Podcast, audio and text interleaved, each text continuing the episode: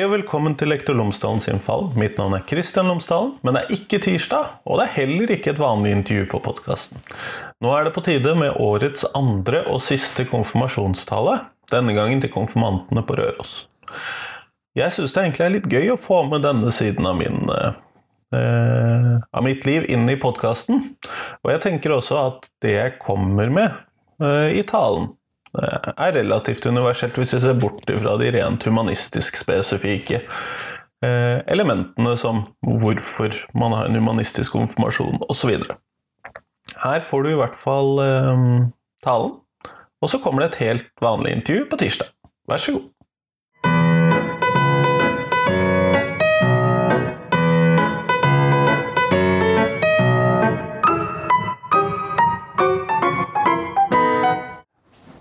Kjære konfirmanter, kjære foreldre, søsken, besteforeldre, tanter, onkler, venner og naboen borti gata.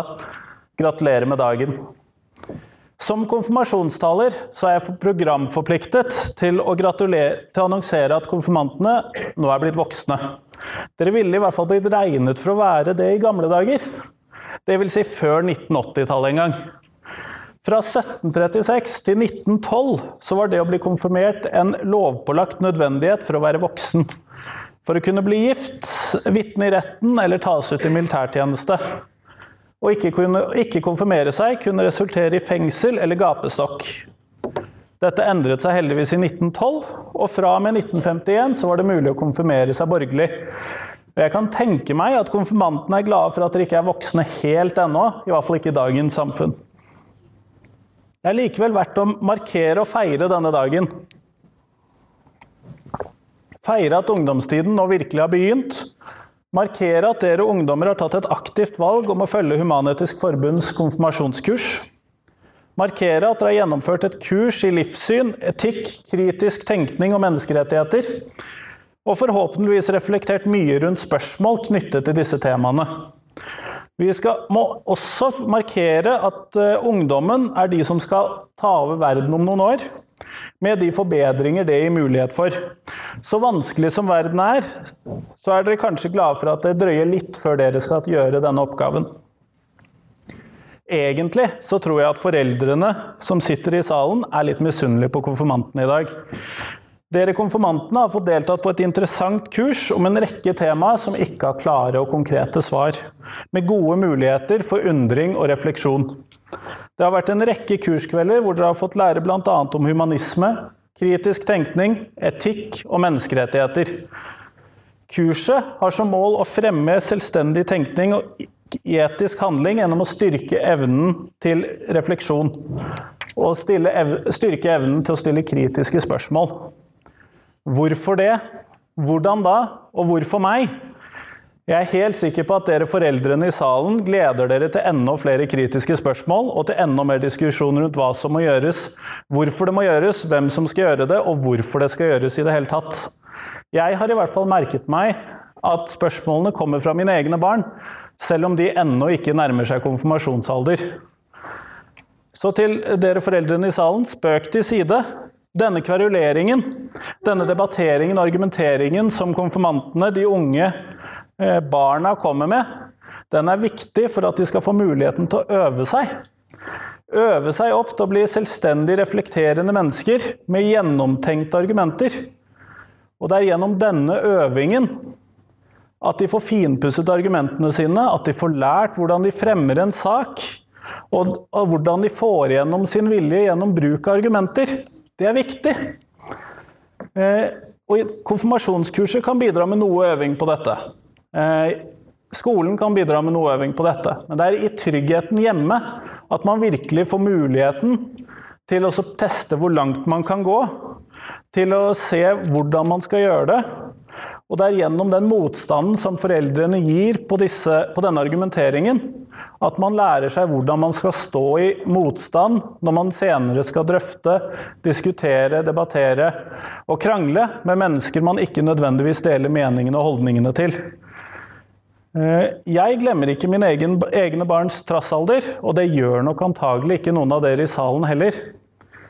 Eh, men kanskje vi skal lytte til Jesper Juel. Han har kalt det for selvstendighetsalder.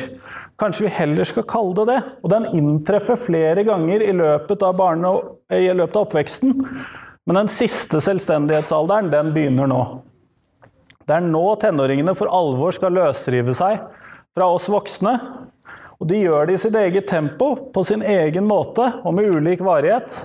Men det er nå virkelig løsrivelsen fra oss voksne begynner. Og dette er viktig. Dette er viktig, for vi som samfunn og vi som voksne trenger at den oppvoksende generasjonen tar ansvar. Vi voksne trenger at dere ungdommer løfter stemmene deres. Enten det skjer i diskusjoner hjemme, i sosiale medier, i politiske partier eller ungdomspartier, i avisene, i skolen eller overalt ellers. Det kan være skummelt, det kan være utrolig skummelt. Men som eh, Emma Watson sier, hun som spilte Hermine i Harry Potter If not me, who? If not now, when? For som hun sier, om du ikke ytrer deg om det du mener er viktig, hvem andre skal gjøre det? Eh, vi kan ikke forvente at andre mennesker skal bry seg om våre hjertesaker. Uansett hvor viktig denne saken er. Til det så er det altfor mange viktige saker i verden. Så hvis ikke du agerer når du får muligheten, når skal du ellers gjøre det? Ingenting skjer før vi som bryr oss om temaet, gjør noe med det. Du tenker kanskje det spiller ikke noen rolle hva du ønsker eller hva du gjør, men historien har vist oss at enkeltmennesker har stor betydning. Så hvis alle tenker at jeg alene kan ikke gjøre noe, så skjer det i hvert fall ingenting. Derfor er det viktig å legge seg Dr. Seuss' ord på minnet. Unless someone like you cares a whole awful lot, nothing is going to get better, it's not.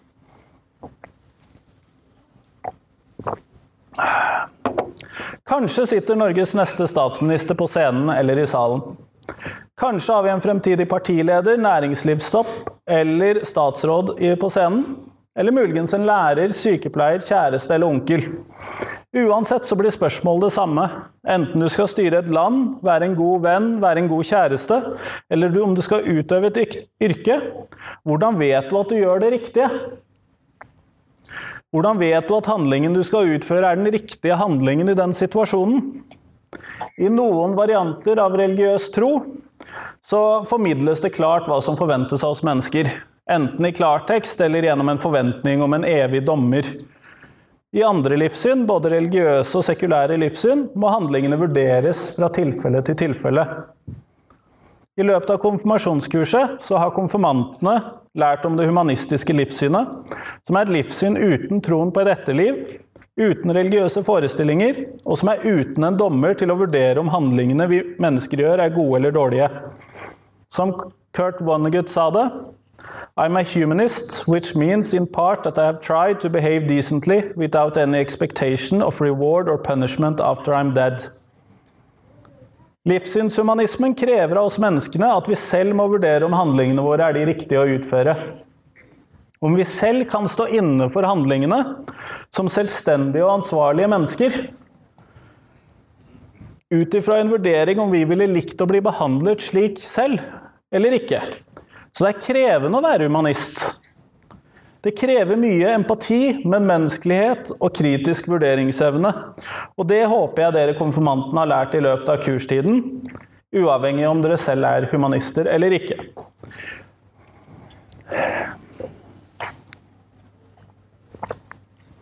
Ulike roller genererer ulikt ansvar. Og jeg har tidligere understreket behovet om å bry seg om hverandre, enten i familien, nabolaget, i Norge eller i verden. Det er et felles ansvar for oss alle å se hverandre.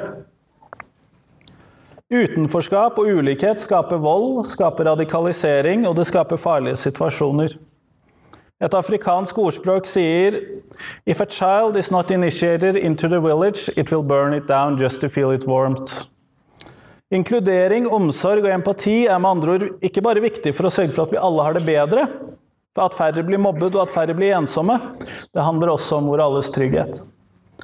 Gjennom å skape inkluderende fellesskap lokalt, på skoler, fritidsklubber, idrettslag, blant venner, eller i en ungdomsorganisasjon, så skaper vi trygghet for fremtiden.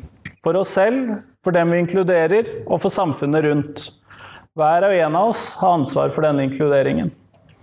Så når vi går ut herfra i dag, enten du er konfirmant, forelder, besteforelder, søster, bror, venn eller nabo, så håper jeg at du, som meg, kan ta med deg en følelse av ansvar. Ansvar for at verden vi etterlater oss, skal være bedre enn verden vi gikk inn i. Både for enkeltmenneskene, for dyren, for naturen og for oss selv. Og det er bare gjennom å ta ansvar at noe kan skje. Og når jeg ser ungdommen i dag, så blir jeg optimistisk på fremtidens vegne. Gratulerer med dagen.